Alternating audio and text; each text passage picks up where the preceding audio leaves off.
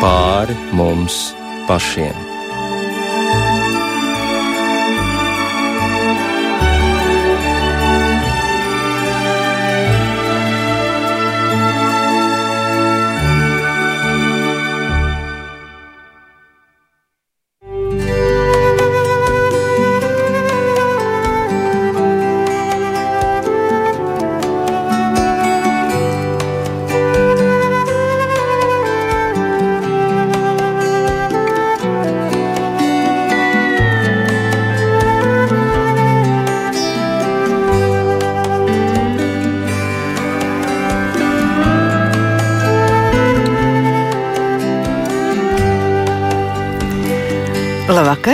Studijā Rīta Brunēvica. Mēs tiekamies raidījumā pāri mums pašiem. Par tā skanējumu šovakar rūpējas Iveta Zvēniece.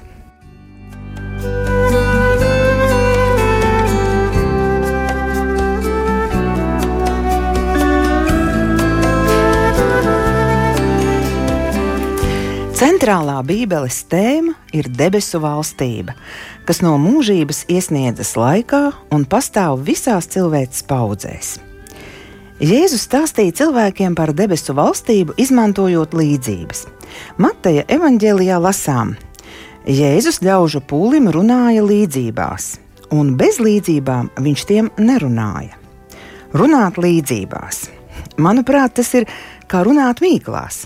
Kādi tās saprot, bet kādiem nekas nav skaidrs. Cilvēks vēlas saskatīt un sataustīt. Viena ļaužu daļa, kurus Jēzus laikā sauc par farizējiem, jautāja, kad tā nāks? Jā, tiešām, kad tā nāks? Ko mēs vispār saprotam par jēdzienu debesu valstība? Tas ir kāds ideāls, kur kādreiz aizsniegsim, vai šodienas realitāte? Kur tā atrodas un kam tā domāta? Ar kādu atslēgu to var atslēgt? Meklēsim atbildes kopā ar raidījumu viesiem.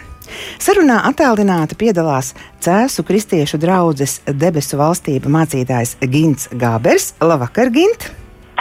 Labvakar, Rinta! Labvakar, mīļie klausītāji!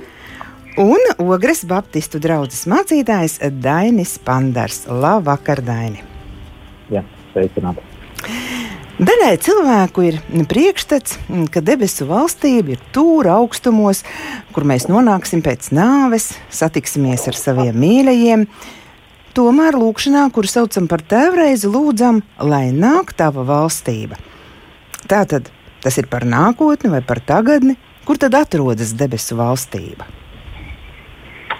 Uh, debesu valstība atrodas viena vārda attālumā Jo no tā laika, kad Jēzus kā mesija sāka savu sludināšanu, kalpošanu, viņš iesāka ar vārdiem: Atgriezieties no grēkiem, jo debesu valstība tuvu klāt pienākusi.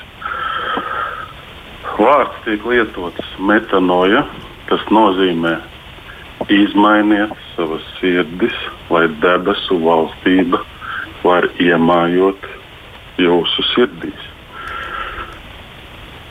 Tātad vārds ir tuvu, vārds ir pasludināts.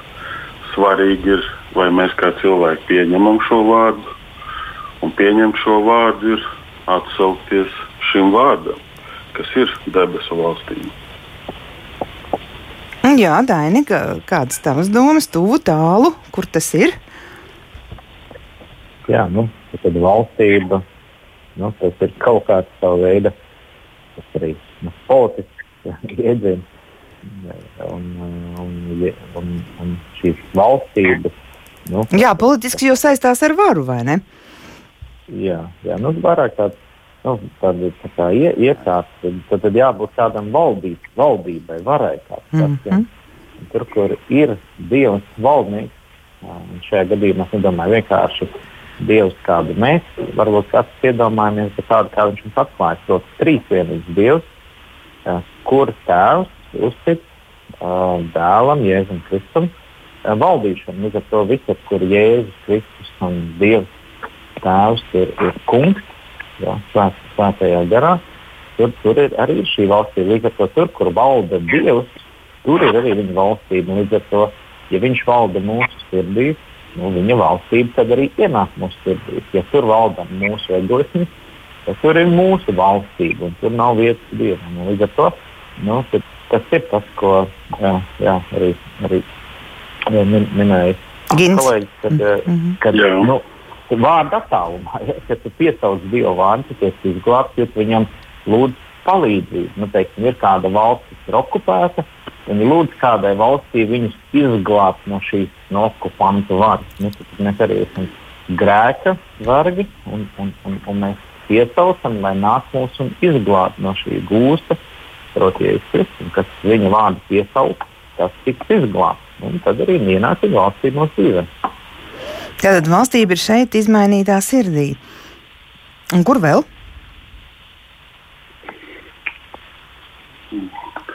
Valstība izriet no tā, vai Kristus ir mūsu sirdī. Ja kā kolēģis saka, Kristus ir manā sirdī kā valdnieks, un viņš sāks vald, sāk valdīt no manas sirds kā mīlestības valdnieks, tad arī izmainās mana reakcija, mana rīcība, mana uzvedība. Un pats galvenais uzskats, ka cilvēks iemanto brīvību no lepnības un no iekārtas. Tādēļ arī, kad bija pareizais jautājums Kristum, kur tad ir šī valstība? Jo loģika vienmēr to grib redzēt kā taustām, kā kabatā ieliekam. Un Kristus skaidri un gaiši atbildēja, ka valstība ir iekš jums. Mm, jā, es arī domāju par draugu. Piemēram, arī droši vien, ka tur mēs varam redzēt Dieva valstību. Noteikti. Draudzene savā ziņā ir Kristus ķermenis. Un, un katrs draudzes loceklis ir daļa no Kristus. Tātad katrs ir nes sevī šo skaisto daļu no valstības. Tad es domāju, arī Dievs katru cilvēku ir īpaši skaistu radījis, lai caur katru skaistu un interesantu cilvēku varētu būt īpaša mīlestības izpausme. Mm -hmm. Tā tad ārēji redzamā veidā mēs neko nevaram redzēt. Mēs tikai varam nojaust. Ja? Mēs varam redzēt to kā gaismu no cilvēka rīcības. Cilvēks, kurš nes Dieva valstību sevī, rīkosies savā rīcībā līdzīgi kā šis valstības ķēniņš Kristus, kurš spēs piedot tur, kur nav iespējams piedot, kurš spēs pastāvēt taisnībā, netaisnības vidū, kurš spēs mīlēt, iztumt to, pamest to, kurš arī sapratīs, kāda ir patiesā Dieva mīlestība, kur ir bez nosacījuma un kur ir brīva no iekāras un lepnības. Mm. Daini, ir Jā. kas piebilstams par to, par to atrašanās vietu? Jā, Jā nu, mums arī jāteic, ka Dieva valstība nenāk ārīgi redzamā veidā, varētu teikt. Nu, tur Tur viņi ir, tur ir tā īstā zeme, vai tā, tā, tā, bet, eh, vai tā īstā celtne. Ja, bet tas tiešām ir eh, cilvēku nu, sirdīs. Es teiktu, ka divu valstību nav ēšana un dzeršana, uh, tas ir pareizie rituāli kaut kādā nu, ziņā. Bet tas ir, uh, ja tas viss notiek tādā, nu, kur svētais gars darbojas. Jo var, mēs jau varam uztaisīt tādu pats savu reliģiju un pats tādu savus rituālus un darīt to bez ticības. Tāpēc to pašu tēvu reizi mēs varam lūgt pilnīgi bez ticības, kā pantiņu. Un, protams, nu, tā vārdam ir spēks, bet, uh, bet es teiktu, ka Dievs valstība nav vēšana, dzeršana, bet uh, miers, prieks un taisnība svētajā garā. Nu, tad, tur, kur svētajam garam ir iespēja darboties, tur cilvēks, kas lūdzu ilgojas pēc Dieva darbības un darbošanās, ja tā valstība ir. Tas ir, protams, cilvēks sirdī. Bet tas tad, nu, ja es teicu, ka no sirds pārpilnība mute runā, ja, un arī mēs darām lietas, tas, kas sirdī ir, jo no sirds rosās dzīvība. Līdz ar to tai vajadzētu būt redzamai nu, tiešām kā nu, teiksim, darbos, vārdos, ja mūsu uzvedībā, un, un tai vajadzētu iz, izpausties nu, tā, no, nojaušana, bet, uh, bet nu, protams, tikai Dievs redz, vai tas ir nu, cilvēka motivācija. Viņš vienkārši grib izskatīties labi. Un, un viņš tā reliģiski notēlo ticību cilvēku uz brīdi, kamēr cits ir apstāts. Bet, bet nu, Bet reāli nu, tikai pats Dievs zina, vai tas nāk no viņa valstības, vai tas ir pats tāds cilvēks nu, cenšanās ja, izpatikt un būt tādam pareizam. Jā, tad, tad tomēr to atmosfēru mums ir jājūt. Mēs nevaram tur aptaustīt un, ar savām fiziskām acīm saskatīt, bet, kā tu Dēni teici, izpausmē ir jābūt. Jā? Tā, tā, tā ir kāda īpaša atmosfēra, kas ir nu, apkārt tiem, kam, kam sirdī nu, ir šī valstība. Kas tad te ir piederīgi valstībai? Kādi īpaši izredzētie cilvēki, kam nu, patīk tā domāt un, un, un meklēt dievu, un, un kas grib nu, tiešām varbūt svēti pat būt. Kas te ir piederīgi? Es teiktu tā, ka aicināti ir noteikti visi. Jau Dievs par valstību runā līdzībā par sēklu, un viņš pats runā vairākās vietās, ka viņš neuzlūko cilvēku vaigu, un viņš nodrošina sauli un lietu, kā par taisnīgiem, par netaisnīgiem. Tas nozīmē, ka katram cilvēkam ir iespēja pieņemt šo vārdu, un Dievs ir nodrošinājis visus šos apstākļus, lai šī sēkla var kļūt par auglīgu koku. Un tāpat mēs redzam arī, ka pirmām kārtām Dievs aicina visus bēdīgos, visus grūtsirdīgos, visus cilvēkus, kuriem ir tukšums, kuriem ir izgaršojuši šo pasauli un nav atraduši tajā savu vietu, vai kuri mokās no netaisnības, vai kuriem ir vienkārši tukšums sirdī, kuru var piepildīt tikai Dieva klātesamība, kā mīlestība. Jā, Daini, kā, kā tu domā par piederību? Mums katram patīk kaut kam piederēt. Ja? Mm -hmm. Tā piedrības sajūta cilvēkam ir svarīga. Tad, tad, līdz ar to arī šajā ziņā, ne? Ir, ir... Jā, Jā nu, nu, arī jau minētajā pantā. Uh, Evanģēlija viens cits laiks ir piepildīts un Dieva valstība ir tuvu atnākusi. Atgriezieties no grēkiem, ticiet uz evaņģēliju. Kāpēc? Lai jūs varētu tajā valstībā tikt, lai jums būtu daļa tajā valstībā. Līdz ar to šeit ir Es tad, uh, nu, grēks tas ir nu, dieva likuma pārkāpums. Ja, tāpēc, lai mēs būtu nu, šajā valstī pilsoņi pieņemti, mums ir jānožēlo, nu, jāatzīst, ka mēs esam grēki. Kurkārt ir jānožēlo šie grēki un jātic uz evaņģēliju. Kas ir evaņģēlija? Dievs tik ļoti mūsu grēcinieks mīl, ka viņš ir ļāvis Jēzum Kristus ciest par mūsu grēkiem. Lai mums varētu teikt, tā garīgajiem noziedzniekiem viss tiks piedots. Ja, un, ja mēs atgriežamies, ja, nožēlojam šos grēkus, ja mēs izvēlamies pieņemt šo jēzus upuru, kad tas arī par mani ir, ja mēs nožēlojam savus grēkus, tad šajā valstībā mēs tiekam, jo šī ir svēta valstība. Tajā nav grēks, tā ir tīra, tajā ir Dievs valdnieks. Līdz ar to jēzus asins ir izlietas par mums grēciniekiem. Tad, kad mēs atzīstam, mm šos savus grēkus, un, un, un kad Dievs mūs šķīsta, un tad svētais gars nāk un mūs padara par dievvalstības pilsoņiem. Tā arī teiks, ka jūs esat ja, vienas valsts pilsoņi. Ja, tā ir domāta tāda valstība. Līdz ar to nu, piederīgi tie, kuri nožēlojuši savu grēku un pieņemuši Jēzus savu kungu un glābēju. Jā, un ja ir atbilstošs stāvoklis, kā Gins jau minēja, bēdīgs, grūtsirdīgs un pazemots, tad, tad tiešām arī nu, to, to grēku vai nu, to, kas nav nu, darīts tā, kā vajag, arī vieglāk laikam ir nožēlot pie tā nonākt.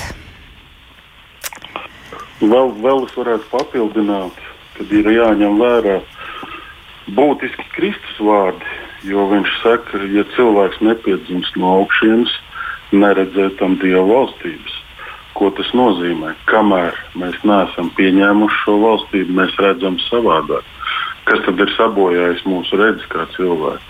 Un tā ir šī iekāra, grēks, lepnība, ka mēs šo valstību neredzam, ka viņi ir tepat tās klātesoši. Un es bieži agrāk domāju, kāpēc mēs neredzam. Tādēļ, ka cilvēka expectācija ir pilnīgi savādāka cilvēkam varenība un spēks kaut, skaitās kaut kas ārīgi redzams, liels un varens. Bet šobrīd es atzīstu to, ka tieši Dievs ir tik varens, ka Viņš var atļauties būt vismazākais, ka Viņš var atļauties būt pavisam tuvu, bet kā maziņš. Jo patiesībā Kristus arī pēdējais, ko izdarīja saviem mācekļiem, pirms krusta nāves, nomazgāja kājas un ielika latiņu valstībā, teikdams, ka kalps nav lielāks par savu kungu. Tātad valstībai ir robeža un valstība pastāv pazemībā. Bet atgriežoties pie šīs piedzimšanas vai atzimšanas no augšienes, ka šī piedzimšana un atzimšana ir no ūdens un gara, kā Kristus saka, un tas ir vajadzīgs, lai iemantotu šo valstību. Jā, tad, kad tu teici, uh, Dievs ir maziņš, tu droši vien domāji pazemīgs. Ja? Jā, nu, tieši tā. Un arī vēl ir vārdi, es atceros Bībelē, ka uh, debesu valstība pieder garā nabagiem. Ko tas nozīmē? Tā ir ļoti skaista lieta. Mums tas uzreiz asociējās, viss ir jāpārdod, man ir jābūt nabagam. Nē, patiesībā grieķu valodā tur doma ir, es konkrēti nepateikšu to vārdu, bet tā doma ir, ka garā tu esi tikai atkarīgs no Kristus. Nevis tu esi uh, multikulturāls ar dažādām prakstēm. Nē, ka tu esi izvēlējies tikai Kristu un valstība tikai darbojās, ja Kristus ir viens kungs tavā sirdī. Un tā ir gara nabadzība. Nu, attiecībā pret citām lietām tas ir domāts. Ka nevis šī dažādība, kā bieži šodien mēs dzirdam, ka tev ir jābūt dažādam redzējumam, dažādiem gariem, bet tieši gara nabadzība attiecībā uz visu citu, izņemot Kristu. Jā, par atzimšanu ūdenī un, un garā mēs eh, pēc maza brīža runāsim, bet vēl es gribu vaicāt par tieši par līdzībām par debesu valstību. Tās ir daudz, kaut kur es dzirdēju kāds 35, varbūt es neprecīzi saku, bet nu, nu 30 būs man šķiet. Ko tad ar to, ja es vēlas akcentēt? Tik daudz par to runādams. Es saprotu to tā ka Dievam pašam ir svarīgs šis vārds un ka Dievs vēlas piesaistīt cilvēku uzmanību. Un cilvēku uzmanība ir piesaistīta, ja cilvēks domā par šīm lietām. Un šīs līdzības visas ir kā noslēpumi, bet tie nav kā noslēpumi, kas paliek kā noslēpumi, bet šie ir kā noslēpumi, kurus Kristus pats grib atklāt katram, kas viņu meklē. Daini, Kā tu domā, kāpēc tik daudz par to ir runāts, tik daudz līdzību stāstīts? Un nekas nav bez līdzībām. Es domāju, ka uh, es redzu cilvēku tādu vēlmi, ka tiešām ir tāda ideāla vieta, kurā var dzīvot. Un, protams, nu, visas tās cerības ir tā laika valdībām un varām, bet jēdzas laikā nu, tur ir, ir okupācija. Ja, un, Un tad uh, Izraels tauta gaida, nu, kad nāk tā, tas īstais Izraels ķēniņš, lai beidzot varētu valdīt pār šiem romiešiem. Tā kā tā valstība ir varena. Nu, un, un, un, un, un līdz ar to Dievs jau redz, ka īstenībā tā mūsu paļaušanās uz valdniekiem, arī daudz kas citur vārdā teikt, nolādēts, kas paļaujas uz cilvēku. Nu, nu, vi, viņa, nekad, viņa nekad nebūs ideāla. Nu, šeit nekad nebūs debesis zemes virsū. Un, un līdz ar to teiksim, arī kāda demokrātija. Nu, tas ir idealizēts šablons, ko mēs tiecamies, bet viņš nekad nebūs. Šeit nevien, nekad nebūs visi pilnīgi tiesības un teiksim, iegribas ievērot. Tas ir tikai mums, ko mēs tiecamies. Savukārt, ja es saku, bet ir kaut kas labāks par šīs zemes valstību, valsts iekārtas, visu politiku, un tā ir divu valstība. Tā, kas mums dod cerību, tā, kas mums dod mieru, prieku, taisnīgumu sajūtu, ka viss saprot, jā, mēs redzam, šeit viss notiek taisnīgi, te nav kukuļdošanas, te nav krāpšanas, te nav kaut kādas izslēgtas. Iedot cerību cilvēkam, kad klaus, nekoncentrējas uz cilvēku tautām, valstībām, koncentrējas to, ko Dievs dara. Tas vienmēr ir labs un visiem jā, nu, tā, vajadzīgs. Un ko jūs varētu teikt par to, ar ko Jēzus salīdzina Dieva valstību? Tur ir sēkla, pērle, apslēptā manta un vēl daudz kas cits. Jūs varētu man palīdzēt uzskaitīt tagad. Un, un, ko, ko Jēzus tieši ar domā, tieši salīdzinādams ar šīm lietām? Nu, sāksim ar sēklu. Pirmkārt, viņš grib pateikt, ka pats šis vārds debesu valstība ir dzīves vārds, kas izmainīs tavu sirdi, kas izmainīs tavu dzīvi, kas atbrīvos tevi no visām važām, un ka šis vārds būs dzīves un tas augs.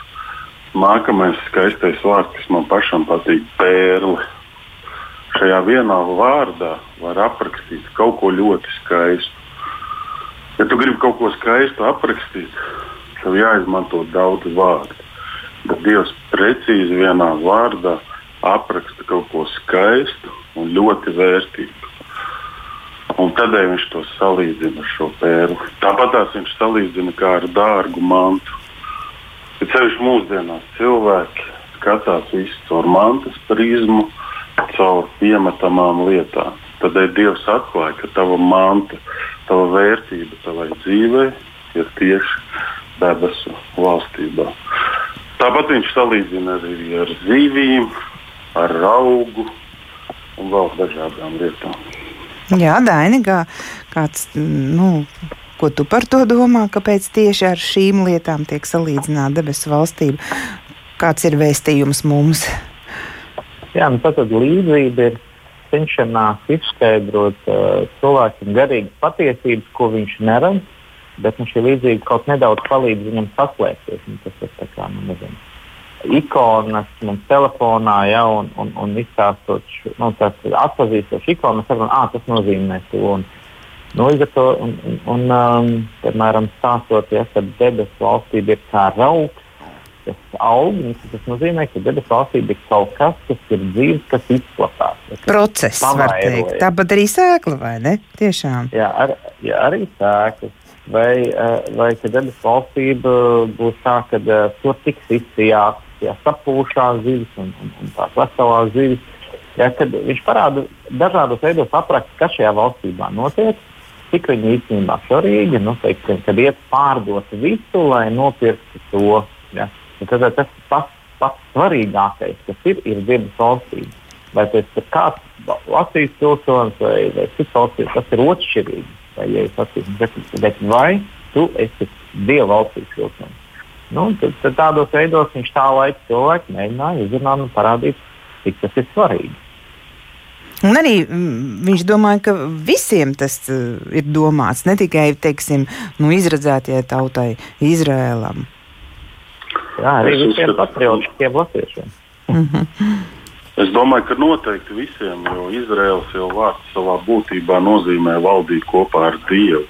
Un tāpat kā Pauls raksta, ka Dieva valstībā ir šī brīvība, ka vairs nav ne jūda, ne grieķa, ne verga, ne brīvā, ne dzimuma. Tas ir vispār kaut kas augstāks. Tas atbrīvo cilvēku no šīs šaurās domāšanas, no visām šīm cīņām, no visas šīs ņemšanās, ka katrs grib uzspiest savu taisnību. Bet Dieva valstībā ir viegli. Tur ir viens kungs, kas ir Kristus, un kura valdīšanu arī neviens nevar apstrīdēt, jo neviens nav gatavs neko izdarīt, ko Kristus ir izdarījis. Un Kristus nevienam neprasot, ir apliecinājis savu mīlestību pret cilvēkiem, izdarot visu šo upuri sevi. Jā, turpināsim sarunu pēc muzikālas pauzes. Savu skanējumu turpina raidījums pāri mums pašiem. Šovakar mēs domājam par debesu valstību. Ko mēs ar to saprotam? Kur tā atrodas un kam tā domāta? Ar kādu atslēgu to varam atslēgt? Sarunā attālināti piedalās Ogres Baptistu draugs mācītājs Dainis Pandars un Cēsu kristiešu draugs debesu valstība mācītājs Gins Gābers. Tātad ar kādu atslēgu varam atslēgt debesu valstību? Jūs jau pieminējāt, tā ir atzimšana ūdenī un garā. Ko tas nozīmē? Vai runa ir par kristībām? Tieši tā. Runa ir par kristībām. Un kas tad ir šīs kristības? Kristības ir, protams, ja vārdiskā nozīmē mēs skatāmies, tā ir pagremdēšanās ūdenī. Un tā ir sava dzīves ceļa izmainīšana, bet tam ir arī simboliski dziļāka nozīme. Viss sākās iesākumā, kā mēs lasām pirmajā mūzes grāmatā, ka zeme bija neiztaisīta un tukša, un tumsa bija pār dziļumiem, un dieva gars lidinājās pār ūdeņiem. Tāpat tās ir varbūt ar mūsu dzīvi. Es atceros savu dzīvi. Pirms dieva, pirms šīs piedzimšanas, mana dzīve bija neiztaisīta un tukša. Un tātad, kas notiek? Es atcaucos dieva vārdam par viņa valstību. Un kristībā es tieku pagremdēts ūdeņos, kad visa tumsa, visa hausa manā dzīvē tiek atgrieztas pie šiem ūdeņiem, ka Dieva vārds caur savu gaismu, caur savu gudrību piešķir jēgu manai dzīvei. Mēs kā cilvēki esam ņemti no zemes, un es kā zeme tieku nomazgāts no visām, visiem mērķšķiem, visām lietām, un ka zeme tiek sagatavota šai sēklai, kas ir valstībai. Un patiesībā savā ziņā valstība ir atgriešanās dārzā, atgriešanās ēdenē. Jo ēdena nozīmē dārzs, un tas ir dieva dārzs, kur ir dieva valdīšana kopā ar cilvēkiem. Kāpēc tas ir dārzs? Tādēļ, ka katrs cilvēks ir īpašs un caur katru šī dieva valstības sēkla nes dažādus augļus. Un kopā visi cilvēki veido draugu un skaistu dieva dārzu. Jā, un kristības varētu būt kā dārza sagatavošana sēklai. Jā, kā pavasaris, kā dārza uzvēršana, ka zeme tiek, es cilvēks kā zeme tiek nodalīts no ļaunuma, ka ļaunums tiek atgriezts pie šiem ūdeņiem, kā iesākumā, kad dieva gars lidinās pār ūdeņiem, un, un tur ir tumsa, tukšums, haoss. Un kristībā simboliski no manas miesas, kas ir kā zeme, tiek noskalots viss ļaunums un atgriezts pie šiem tumšajiem ūdeņiem. Dēni, vai tu ar tā domā, ka kristības ir nu, tāda iziešana ārā no hausa? Um, nu, krist, tur ir ūdenī un garā. Jā, mēs zinām, ka pa šiem ūdeņiem lidinājās dieva gars iesākumā jau un ievesa šo kārtību. Līdz ar to pati kristība bez, nu, ja, tur, ja cilvēks nav atzīts arī svētajā garā, es uzskatu, ka tikai miesas mazgāšana Tas ir pārāk citā vietā tā izsakās, bet, bet ja ir atzimšana gan ūdenī, gan garā, tad, eh, tad tas ir tas, kur mēs, nu, varētu teikt, pieņemam šo Dieva pilsonību, šo, šo kristību. Bet Dieva gars ir tas, kas te vispār kārtību ievest mūsos. Jo, jo nu, mums, nu, mēs īpaši dzīvojuši bez Dieva, mums ir savi priekšstati, kas ir pareizi, mums ir savi ieradumi, mums ir tādi apslēpti auti, kurus mēs meklējam grūtos brīžos, dusmu brīžos vai izmisuma brīžos. Ja, un lēnām sākās gars nāk un parāda, kur tad kāds šīs lietas risināt. Viņš vienmēr ir pie Kristus, kurā visas šīs lietas pie krusta ir atrisināmas. Bet, bet mums vajadzīgi katrā lietā vēl viņu nu, tādu īpašu nu, nu, palīdzību, varat, lai mēs apjausam, ieraudzītu, kur tas vārdā ir rakstīts. Bībelē. Un, jā, un līdz ar to es domāju, ka tas atzimšana ūdenī gan garā ir tas process, kurā tad, nu, kā nu, pilsoņiem ir sava kārtība. Nu, viņiem ir jāzina, kā jādzīvo šī jaunā dzīve, kāda ir valstībā jāuzvedās. Tas svētais gars un Dieva vārds mākslinieks dod tā tādu instrukciju. Un, un, un, un tā, svētais gars ir palīgs, kas palīdz instrukciju ķēdīt. Vai ir vēl kāda atslēga bez uh, kristībām un um, atzimšanu garā? Ir, protams, viena no atslēgām, ko runā Jēzeja, ka viņš liks uz Dāvida namu šo atslēgu uz viņa pleciem, ka viņš atvērs un neviens neaizvērs, un ka viņš aizslēgs un neviens neatslēgs. Bet jaunajā derībā mēs lasām vienu epizodi, pa Sīmanu Pēteri, kad Kristus pats, būdams valstības kungs, vaitā, vaicā saviem mācekļiem, kas viņš ir. Un Sīmans Pēters atbild, tu esi Kristus, dzīvā Dieva dēls. Un uz ko atbild Jēzus? ka tu esi svētīgs, jo miesa un asins tev to neatklāja, bet mans tēvs, kas ir debesīs. Un šeit mēs redzam šo piepildījumu visām līdzībām. Ka cilvēks, kas seko Kristum, kas meklē no sirds kā šo pērli, kā šo dargu, dārgo mantu, nonāk, uzskatu, pie gara atzimšanas, tā ka viņš sasniedz šos gara augļus. Jo līdzībā arī par sēklu mēs lasām, ka tā aug kā koks, kas dod augļus, un ka eņģeļi nāk no debesīm, lai baudītu šos augļus. Un augļu esamība ir svētā gara klātesamība. Jo šis piepildījums, ko Kristus pats arī pasaka, ka Tēvs to atklāja, ka Kristus ir šis kungs.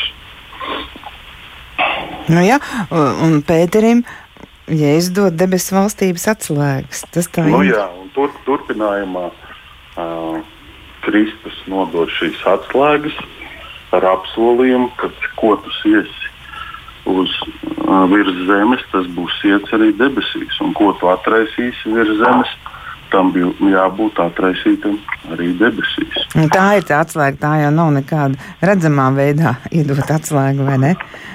Jā, tā nav piekaramā garāža. Nu, tā, tā kādreiz kaut kur tiek attēlots, vai ne? Pēters ar atslēgu saišķi pie sāniem kādās baznīcas vitrāžās.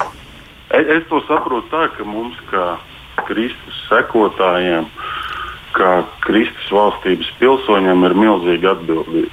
Kā mēs runājam, kā mēs uzvedamies, jo šīs atslēgas piešķira mūsu vārdam citu svaru jo mūsu vārdi tiek ietērti svētā gara spēkā.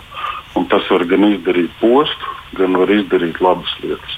Tādēļ mums ir vajadzīga šī mīlestības lēmprātība, lai mēs apdomātu citreiz savu rīcību. Un tāpat tās Kristus mums nodod stafeti līdzīgi kā piedodams mums, ka mums ir atbildība piedot tālāk cilvēkiem un mest šo mīlestību savā rīcībā un savās izvēlēs.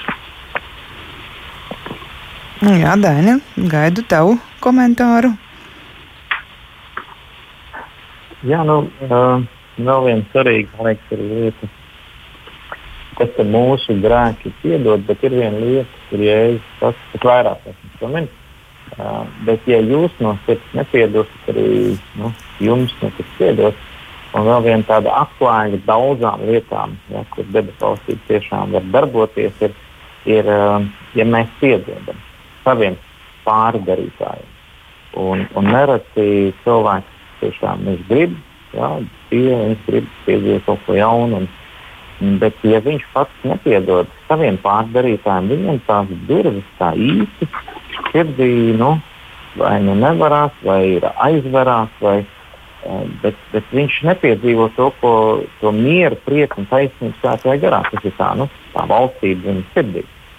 Un, un, un līdz ar to ir ļoti svarīgi arī nu, piedot saviem pārdarītājiem. Un tas nav starp nu, mani un to pārdarītāju, bet tas starp mani un Dievu. Ja Dievs saka, es tev visu piedodu, es savu dēlu atdevu, piedod darīt to. Un to tā ir Dieva prasība mums. Tas cilvēks varbūt nekad neprasīs, bet tas ir vajadzīgs mums, lai mūsu sirds būtu brīva un tajā būtu vieta Dieva valstībā. Bet ja mēs sirds piepildām ar dažādu veidu grēkiem, nepiedošanu. Tā arī nu, tur jau nav vietas, tā valstība ir. Tāpēc arī tas, tas ir. Mēs paši varam aiztaisīt durvis, kuras Jēzus mums atvērts Dievs valstībā. Tā tad, ja nepiedodam, tam noteikti ir seks. Jā. Noteikti seks. Un, un, jo. un kur tas te vēlreiz pasakat, kur tas ir pamatots Dieva vārdā, kad ir seks? Kad nav tas vienkārši es izvēlos, ai, nu nepiedošu un miers. Jā, nu tajā pašā mm. tēvreizē jā, mēs redzam, piedodams mūsu arī savam parādniekiem un arī um, Mateja evaņģēlijā, kur ir stāsts par šo līdzību, kur šis uh, jā, ķēniņš, kas piedeva uh, vienam lielu naudas summu, bet tas nepiedeva tam, kas bija maz naudas summu. Un tajā vietā, ja, es, tas, ja jūs uh, ik viens viens otram no sirds nepiedosit, tad dabas tēvs mums nepiedos. Nu, lūk, te nonākam tās sekas ir arī mums nekas netiek piedots, ne, nekas netiek nolīdzināts, kā saka mūsu nu, parādi, nu, pārkāpumi, nu viss, ko mēs jau nu darām. tā mēs ieslogam paši sevi cietumā. Jo šajā līdzībā par ķēniņu Kristus skaidri un gaiši saka, ka tāpēc Dieva valstība ir līdzīga šim ķēniņam. Jo tā ir mūsu izvēle, nepiedot, jo Kristus atstāja mūsu piemēru un arī pielīdzinot mūsu izpirkumu maksu šiem desmit tūkstošu talantiem ka tā ir milzīga vērtība, ko viņš ir pirms tam izdarījis un piedodams gan noziedzniekiem, gan farizējiem, gan visiem. Un ka viņa būtība, ka valstības būtība ir šajā mīlestībā un piedošanā. Jo kas notiek, ka mēs nepiedodam, tad mēs apgriežam savu dzīvi no visām svētībām. Un kungs kā šeit līdzībā rakstīts, nodod mūsu mocītājiem, kamēr netiek viss atgriezts. Un kas tie mocītāji? Nu, tādi mocītāji, droši, kas nedod mieru cilvēkam. Nu, jā, pazaudē mieru. Nemieris. Mm. Patiesībā jau nemieris tā arī ir. Un mēs arī kā cilvēki bieži vien, protams, ka mēs nevaram piedot. Bet mums arī viss nav jākontrolē, mums ir jāļaujas. Jo tad, jau kā mēs sākām, Dieva valstība ir tur, kur ir Dieva prāts. Tā ir teokrātija, tā nav demokrātija. Un tādēļ, lai es varu būt Dieva valstībā, es savu prātu nolieku malā, es nolieku malā to, ko es nespēju, un kā cilvēks es nespēju piedot bet es izvēlos dieva prātu, dieva gribu, ne aiz sava ērtuma, bet aiz mīlestības pret viņu, kad man ir svarīgi, kā viņš grib, kā mīlošs tēvs. Un, ja viņš saka, piedod, tad es kā šis uzticamais viņa dēls vai kalps vienkārši izvēlos būt tajā, ko viņš man ir nolicis. Jā, Mēs vēl turpināsim sarunu pēc nelielas muzikālas pauzes, un tad vēlreiz tā rezumējot, padomāsim, kāpēc ir tik būtiski būt debesu valstībā, kas tur ir tik saistošs. Un, un kas ir tas pirmais solis, kas būtu jāspēr tajā virzienā? Bet tas pēc pauzītes. Mārtiņš Luters ir teicis tā: debesu valstība nāk, viņa nāk pati no sevis. Viņa nāk, bet mēs lūdzam, lai viņa nāk pie mums. Kāpēc ir cilvēki, kas to vēlas? Tāpēc, ka cilvēki, kas pieņem šo vārdu, šis vārds ved tuvāk, tuvāk dievam, tuvāk dieva mīlestībai. Un tāpat arī mēs lasām Kristus vārdus kur viņš Mateja 7. nodaļā runā, ka ne, ne katrs, kas uz mani saka, kungs, kungs, ies debesu valstībā, bet tas, kas dara manas debesu tēva prātu. Un ir jautājums, vai mēs savā lūkšanā prasām tēva prāts, lai notiek, vai mēs gribam caur Kristus vārdu darīt dažādas lietas, dziedināšanas, kalpošanas, savas vajadzības vai tomēr mēs izvēlamies būt tēva prātā. Jo tēva prāts tikai ieved viņa valstībā, viņa gribā, un jau šodien šeit, uz zemes, mēs varam dzīvot savādāk.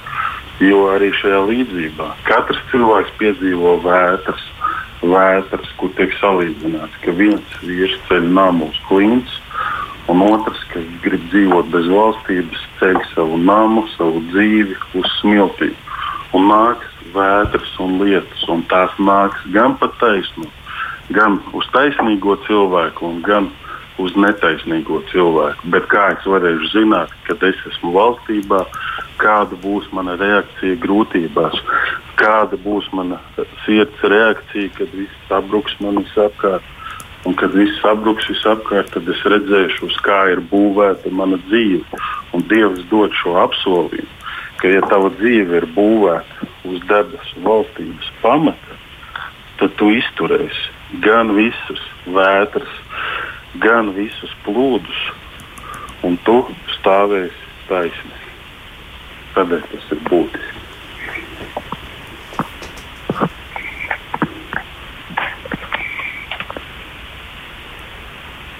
Daini, tu laikam jau esi aizgājis kaut kur tālu no mums. Nē, nē. nē. Vēl kaut ko teiksi? es domāju, ka uh, tas, kas jāraug, kad uh, divu valstību nu, radikāli atšķirās no tā, ko mēs šeit uz zemes piedzīvojam. Un to mēs jau varam piedzīvot. Nu, kā nu, divas valstības ir piepildās Dieva prāts, un Dievs ir labs, viņš ir mīlošs. Līdz ar to šajā valstībā ir tas, kas ir labs. Nu, piemēram, lūdzam par kādu cilvēku, lai nāk valstī, Dieva valstī un dzīvē, tad mēs lūdzam, lai nāk tas labais, kas, kas ir atjaunojuši, kas ir dziedinoši, kur lai nāk kaut kas svēts, kaut kas īpašs. Uh, un, un arī Dieva valstība ir mūžība. Nu, būt Latvijas pilsonim, tas ir brīnišķīgi jauki līdz nāvei. Bet būt par debesu valstību, tas nozīmē, ka tu dzīvos arī mūžībā. Un, un to, nu, jā, jāierauga šī tiešām vajadzība mums veikt šo dubulto pilsoni. Viens ir labi, mēs esam savas valsts, šeit zemes valsts pilsoņi jā, un, un arī patrioti, bet mums ir jābūt arī paralēli garīgās debesu valsts pilsoņiem un patriotiem. Un es teiktu, ka tā ir prioritāte. Jo tā ir to daudz vairāk, un tajā ir, ir daudz, nu, teiksim, tā, daudz tā, īpašāka vieta arī mums katram.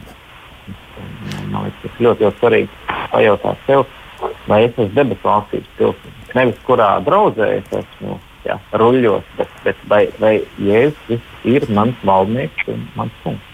Jā, tad debesu valstība ir kā kāpnes, varētu teikt, kas sākas šeit un iesniedz mūžībā. Gluži kā jēkabs, kas redzēja to sapni, ja, kur eņģeļi staigā pa uh, kāpnēm no debesīm uz zemi. Mm. Un tieši tā, un es uzskatu, tas ir šis tilts, kas savieno veco derību ar jauno derību, un kad jaunā derība ir visa piepildījums, uz ko Dievs vienmēr iet Un Dievs jau pašā radīšanas stāstā iet uz to, ka Viņš grib būt kopā ar cilvēku. Un tad arī mēs savā tēva reizē lūdzam, lai nāk šī valstība un lai notiek viņa prāts šeit uz zemes. Un viss prāts, Dieva prāts var sākties pie manis personīgi. Mēs parasti gribam uzspiest citiem Dieva prātu vai sākt ar citiem, bet viss sākas ar mani ja manas attiecības ir sakārtotas ar tēvu, ka es viņu mīlu no visas savas sirds, ar visu savu dvēseli, ar visu savu prātu, tad es varu pieņemt sevi un savu tuvāko. Un, manuprāt, ir vēl viena mm, svarīga, redzama lieta, kas savieno, ja tā var teikt, debesis ar zemi, ar mums, Dieva valstību ar mums, proti, vakarēdienas. Jā, tas ir visun, ir visunikālākā lieta, jo Dievs saklāja šo galdu, nākdams no debesīm ar visu savu varu, ar visiem saviem eņģeļiem un aicinot mūs pie šī galda, kurā arī viņš saka, tie, kas ēdīs manu miesu un dzers manas asinis, tie dzīvos mūžīgi. Un, ja pabeidzam mēs piedzimšanas no gara tēmu, tad es uzskatu, šī ir šī otrā sadaļa, kā mēs atzimstam no Kristus gara. Un šī ir tieši šī jaunā derība, ka caur šo mīlestību mēs kļūstam tādi paši kā Kristus.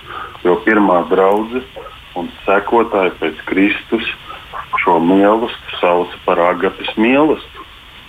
Jo tas apliecina to, ka šī mīlestība laikā notiek sirds transformācija, ka es varu sākt mīlēt tā, kā mīl Dievs.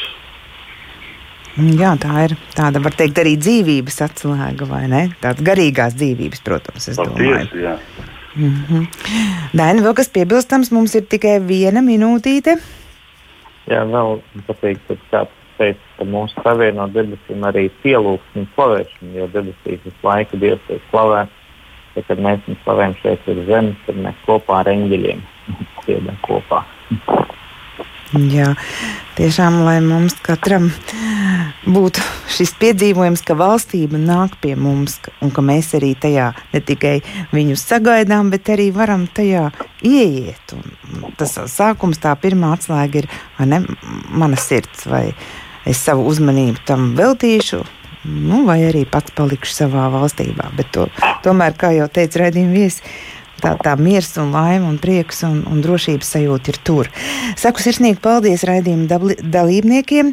Attālināti sarunā piedalījās Cēsu kristiešu draudzes debesu valstī mācītājs Gins Gābers un Ogres baptistu draudzes mācītājs Dainis Panders.